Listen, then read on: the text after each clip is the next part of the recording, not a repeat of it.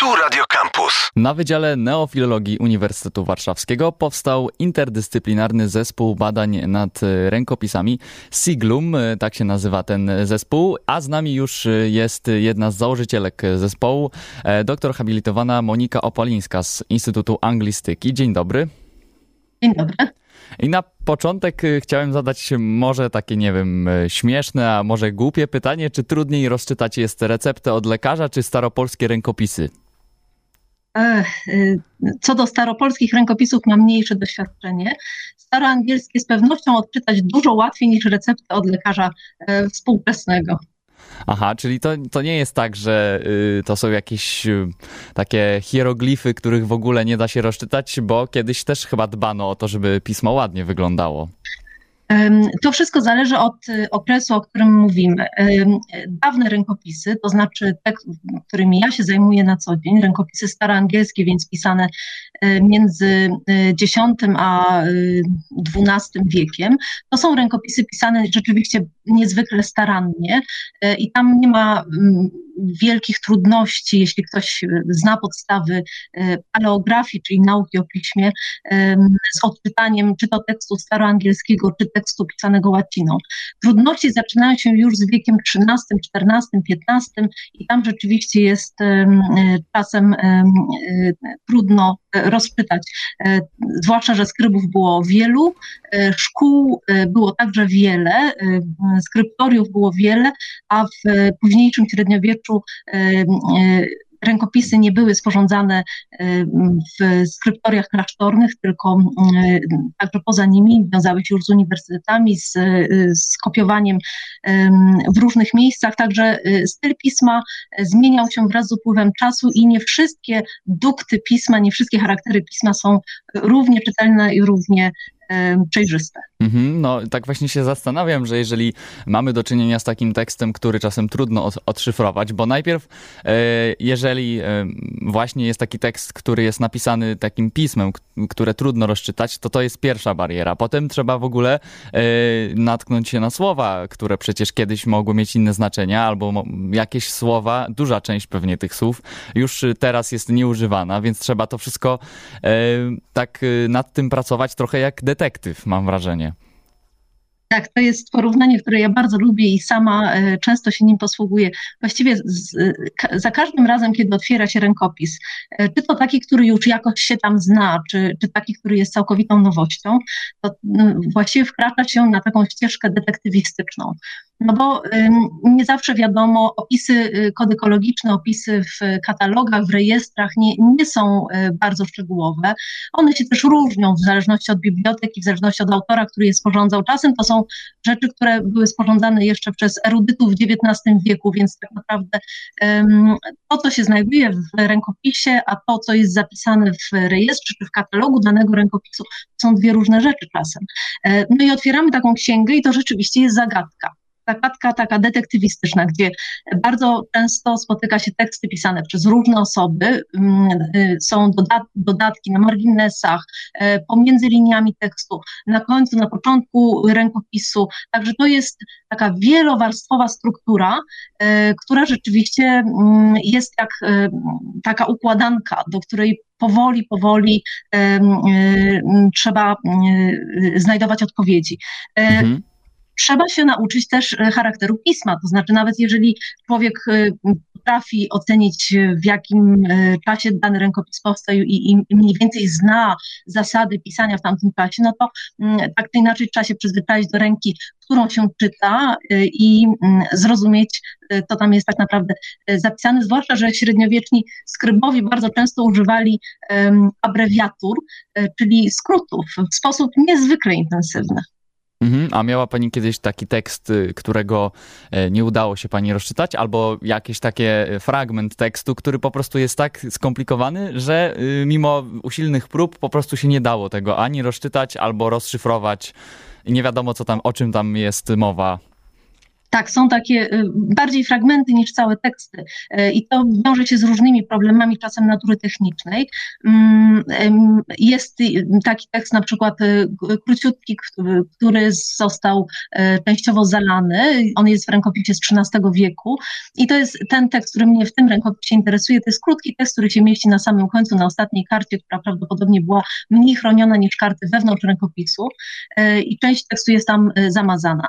Ale takie trudności pojawiają pojawiają się też, jeżeli jeden skryba zapisze jakiś tekst, a potem drugi przyjdzie i na przykład wytrze część e, tekstu i nadpisze nad nim e, jakiś nowy tekst. To, to wtedy też są trudności, choć nie jest to nie do końca e, nierozwiązywalne, ponieważ metody badawcze opierające się na spektrometrii na przykład, czyli badaniu y, zapisu w różnych częstotliwościach naświetlenia rękopisu przy użyciu specjalistycznej aparatury, pozwalają dotrzeć nie tylko do tej zewnętrznej powierzchni, ale także wniknąć wewnątrz struktury rękopisu i odkryć te wcześniejsze e, palimpcestowe zapisy. Mhm, czyli, te, czyli teraz mamy możliwość y, czytania jakby kilku warstw tego tekstu, tak?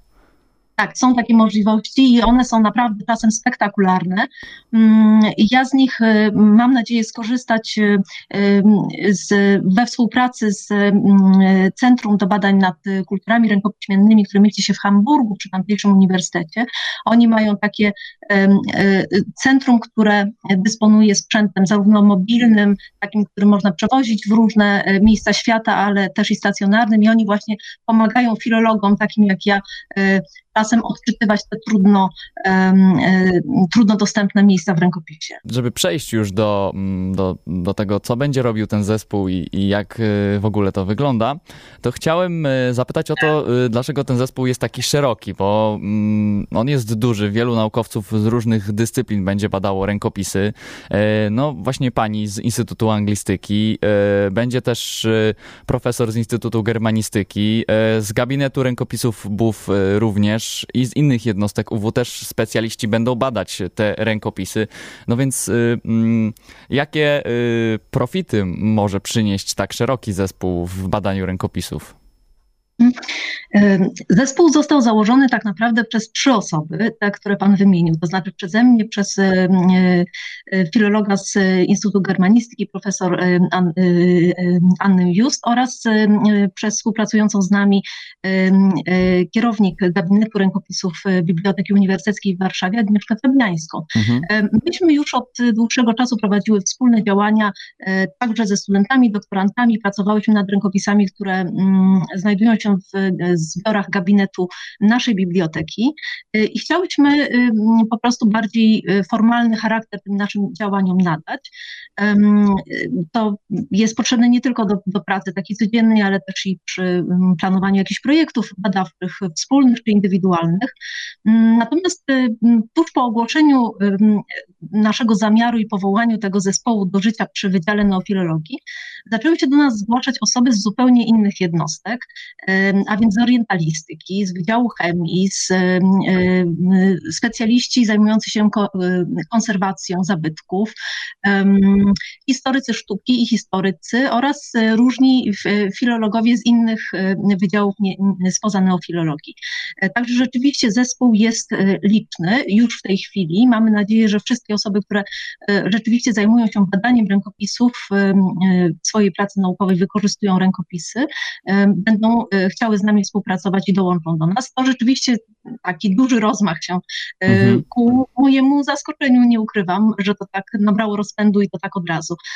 Nas to bardzo cieszy, ponieważ taki jest właśnie zamysł, żeby zgodny z duchem nowej filologii, żeby badać rękopisy, w taki sposób interdyscyplinarny, wykorzystując wiedzę i doświadczenie osób, które badają kodeksy, Y, z zupełnie innej strony, no na przykład y, ze strony y, ich budowy materialnej, bo filolog taki jak ja, który koncentruje się głównie na badaniu zawartości tej piśmiennej, prawda, pisma, tekstów, często musi współpracować z muzykologami, jeśli na przykład teksty są pisane, tekstom towarzyszy notacja muzyczna, z osobami, które zajmują się oprawami rękopisów i kodykologią, czyli budową rękopisów, e, bo dzięki współpracy z nimi można na przykład odczytać elementy elementy, które są ukryte pod oprawą, w grzbiecie książki, czego filolog sam zrobić by nie mógł. Współpraca z chemikami, którzy zajmują się na przykład strukturą i formą atramentów jest absolutnie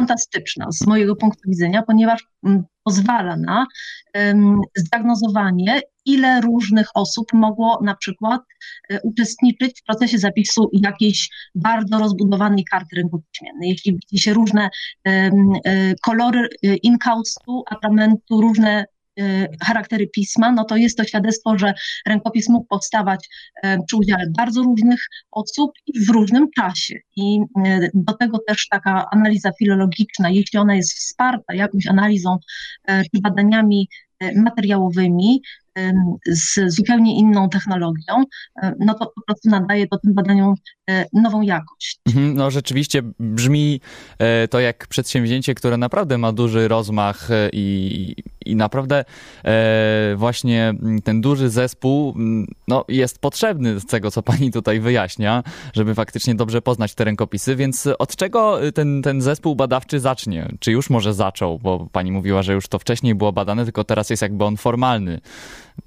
Y, tak, no my zajmujemy się, każdy z nas zajmuje się tak naprawdę badaniami mm, rękopisów ze swojej własnej dziedziny, czyli każdy z nas prowadzi badania y, naukowe mm, nad rękopisami y, z różnych krajów i no, te trzy osoby, które założyły zespół, badają głównie rękopisy łacińskie, angielskie i niemieckie, średniowieczne i wczesno-nowożytne, ale dołączyli do nas orientaliści. W związku z tym mamy też osoby, które mm, badają rękopisy z terenów Chin, z Etiopii, z Mongolii, z Tybetu.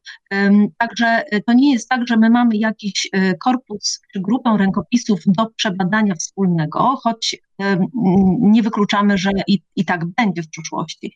Na razie szukamy wspólnego mianownika mm, i znalezieniu tego wspólnego mianownika ma służyć e, webinarium, które e, planujemy mm, przeprowadzić pod koniec marca. Chcemy sami się lepiej poznać, ponieważ tak naprawdę mm, ten impuls e, to, to stworzenie, powołanie tego mm, zespołu do życia, to był taki impuls, żebyśmy się wszyscy zgromadzili i chcemy więcej dowiedzieć się na temat tego, co każdy z nas robi, czy potrafimy znaleźć jakieś płaszczyzny, jestem pewna, że tak, które pokażą nam, że możemy nasze działania badawczo łączyć e, i współpracować między sobą w jakichś e, projektach e, bardziej interdyscyplinarnych i przekrojowych.